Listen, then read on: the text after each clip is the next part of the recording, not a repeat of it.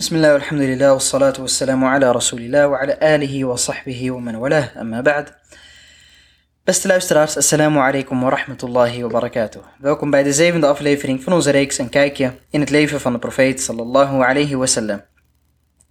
In de vorige aflevering hebben we gehoord hoe de profeet sallallahu alayhi wa sallam opgroeit als wees, want zijn vader was al overleden voordat de profeet sallallahu alayhi wa sallam was geboren. Zijn vader Abdullah is op 18-jarige leeftijd overleden in de buurt van Medina, uh, nadat hij op reis was voor handel van zijn vader Abdul Muttalib. En ook de moeder van de profeet sallallahu alayhi wasallam kwam te overlijden toen de profeet sallallahu alayhi wasallam nog maar zes jaar oud was. En later, twee jaar later, overleed ook de opa van de profeet sallallahu alayhi wasallam, die al die tijd voor hem zorg had gedragen. En Abu Talib nam het stokje van zijn opa over. Abu Talib was de oom van de profeet sallallahu alayhi wasallam. En Abu Talib was een gerespecteerde man binnen Quraysh. En hij was de broer van Abdullah en van zijn vaderskant, dus van de vaderskant van de profeet sallallahu had hij nog meer ooms en tantes, waaronder Al-Harith, Hamza, Al-Abbas, Abu Lahab, Safiya, Atiqa en Arwa. En zoals ik zei, Abu Talib was gerespecteerd binnen Quraysh, maar hij was niet echt welvarend. En bovendien had heel veel kinderen. Dat weerhield hem er niet van om van de profeet sallallahu alayhi wasallam te houden en hem onder zijn hoede te nemen alsof het zijn eigen zoon was. En tussen die kinderen van, van Abu Talib groeide de profeet sallallahu alayhi wasallam op en ontwikkelde het nobele karakter dat hij had. Als de kinderen van Abu Talib bijvoorbeeld te eten kregen, dan hield de profeet sallallahu alaihi wasallam zich een beetje achter, zodat de kinderen van Abu Talib meer te eten hadden. En als er iets werd uitgedeeld, probeerde hij zichzelf een beetje achter te stellen, zodat de anderen eerst iets kregen. Desondanks had dit allemaal geen negatieve invloed op de fysieke ontwikkelingen van de profeet sallallahu alaihi wasallam, want met de wil van Allah subhanahu wa ta'ala groeide de profeet sallallahu alaihi wasallam uit tot een gezonde en sterke man, een zeer sterke man zelfs.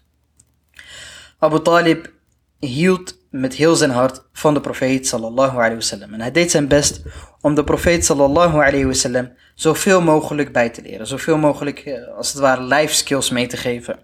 Zo nam hij de profeet sallallahu alayhi wasallam mee op een reis, op een handelsreis naar Sham.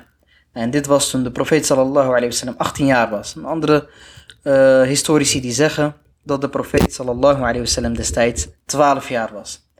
Nou, wat was zo bijzonder aan deze reis? Tijdens deze reis kwamen zij Bahira tegen. En Bahira was een monnik en hij had kennis van de geschriften van Ahlul Kitab, van de christenen. En hij adviseerde toen hij de profeet sallallahu alayhi wasallam zag, Abu Talib om terug te keren naar Mekka. Want hij herkende bepaalde kenmerken bij de profeet sallallahu alayhi wasallam die duiden op een profeetschap. Uh, er wordt gezegd dat hij Ghatim al-Nubuwa, dus uh, um, het kenmerk van uh, profeetschap tussen de schouderbladen van de profeet sallallahu alayhi wasallam had gezien. Dit kenmerk had de profeet sallallahu alayhi wasallam. En er waren ook nog wat andere zaken waardoor Bahira een profeet dacht te herkennen. Uh, en hij waarschuwde Abu Talib om terug te keren naar Mekka. Want als de Joden en de Romeinen de profeet sallallahu alayhi wasallam zouden zien, zou het nog wel eens slecht kunnen aflopen.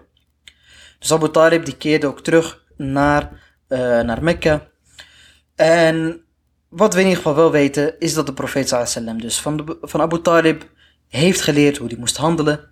En wat de profeet sallam ook had geleerd bij Beni Sa'id, toen hij bij de Bedouinen leefde, hoe hij moest uh, schapen hoeden. En dit heeft eraan bijgedragen dat de profeet sallallahu alayhi wasallam op kon groeien als een onafhankelijke man. Op een gegeven moment ging hij zelf de kost verdienen en wilde hij zoveel mogelijk onafhankelijk zijn.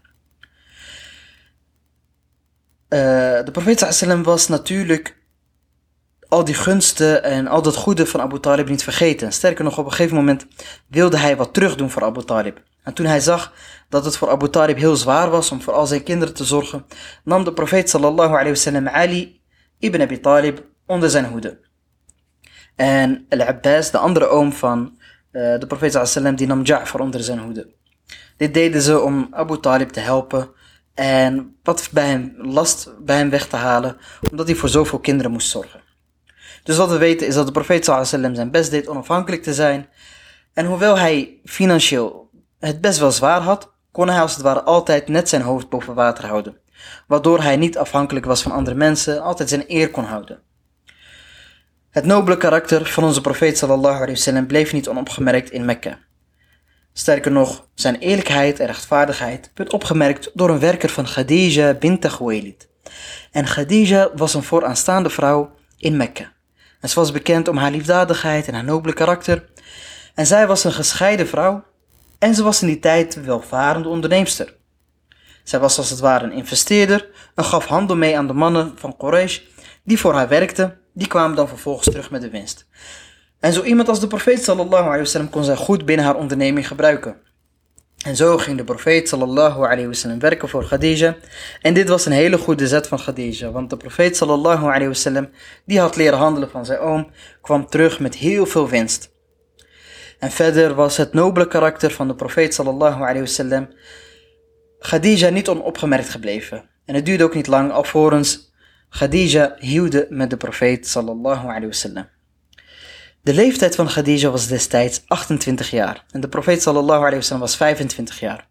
En hoewel er sommige historici zeggen dat Khadija 40 jaar oud was toen ze het huwde met de profeet sallallahu alayhi zijn er overleveringen die dit tegenspreken. En sterker nog, het feit dat zij met de profeet sallallahu alayhi nog zes kinderen kreeg, uh, maakt deze uitspraak wat minder plausibel. Dus we gaan ervan uit dat Khadija radiallahu anha ouder was dan de profeet sallam, maar dat het leeftijdsverschil veel kleiner was dan door heel veel wordt gedacht. Een laatste belangrijk punt in het leven van de profeet sallam voor zijn profeetschap is het feit dat hij uh, Hilf al-Fudul meemaakt. En Hilf al-Fudul was een bijeenkomst van Quraysh in het huis van Abdullah ibn Jid'an, waarin zij een convenant sloten. Want er was heel veel onrechtvaardigheid bij de Arabieren. En er werd gestolen van elkaar en er werd gemoord. En uh, in ieder geval, er was heel veel onrust. Dus wat zij deden, is zij sloten een convenant. De uh, Qaba'il, die destijds ook bij Hilf al-Mutayyibin waren. Deze hebben wij wat eerder uh, besproken. Ik denk vier afleveringen geleden. En deze Qaba'il kwamen ook samen om Hilf al-Fudul te sluiten. En de profeet sallallahu alayhi wasallam mocht hierbij zijn, wat een hele grote eer was.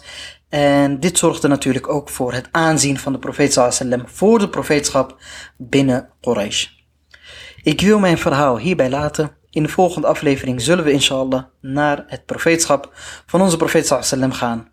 Mogen Allah subhanahu wa ta'ala onze uh, ons leiden naar het akhlaq van de profeet wasallam en leiden naar de sunnah van de profeet sallallahu alayhi wasallam. وصلى الله وسلم وبارك على نبينا محمد وعلى آله وصحبه أجمعين. Bedankt voor والسلام عليكم ورحمة الله وبركاته.